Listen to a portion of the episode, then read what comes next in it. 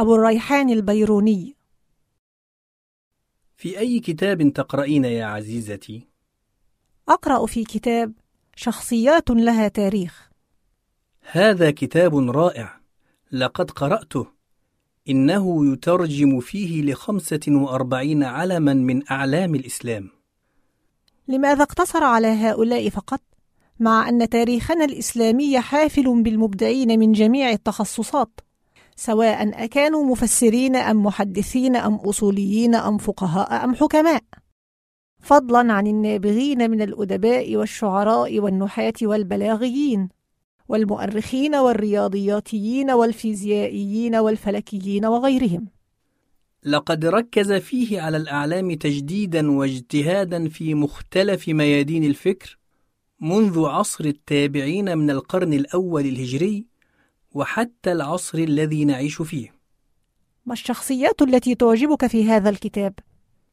في الحقيقة يعجبني عدد كبير من شخصيات هذا الكتاب ولا سيما أبو الريحان البيروني والعز بن عبد السلام. أبو الريحان البيروني؟ إنه من علماء القرن الرابع الهجري العاشر الميلادي وهو من أصول فارسية. نعم نعم. لقد ولد في بيرون عام 362 هجرية. الموافق عام 973 ميلادية.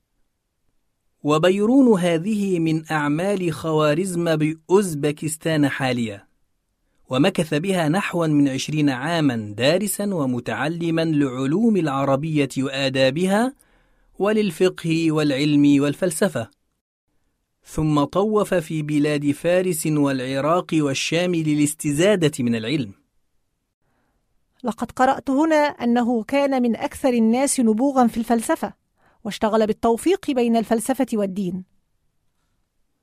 إنه لم ينبغ في الفلسفة فحسب بل كان رحالة وفيلسوفا وفلكيا وجغرافيا وجيولوجيا ورياضياتيا وصيدليا ومؤرخا ومترجما لثقافات الهند أيضا. لقد وصف بأنه من بين أعظم العقول التي عرفتها الثقافة العربية الإسلامية.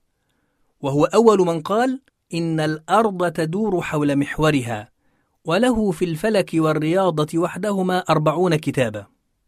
أتدري ما الذي أعجبني في شخصية هذا الرجل؟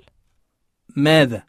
أنه مع أصوله العرقية الفارسية وحذقه للغة الفارسية كتب كل مؤلفاته بالعربية بل إنه من شدة حبه للعربية واعتزازه بها كان يقول لأن أهجى بالعربية أحب إلي من أن أمدح بغيرها رحمه الله رحمة واسعة.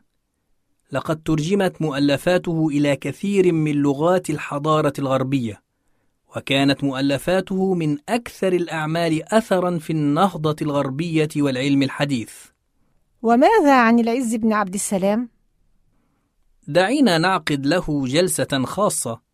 بعد أن تعد لي كوبا شايا فإن الحديث عن سلطان العلماء يحتاج إلى وقت طويل.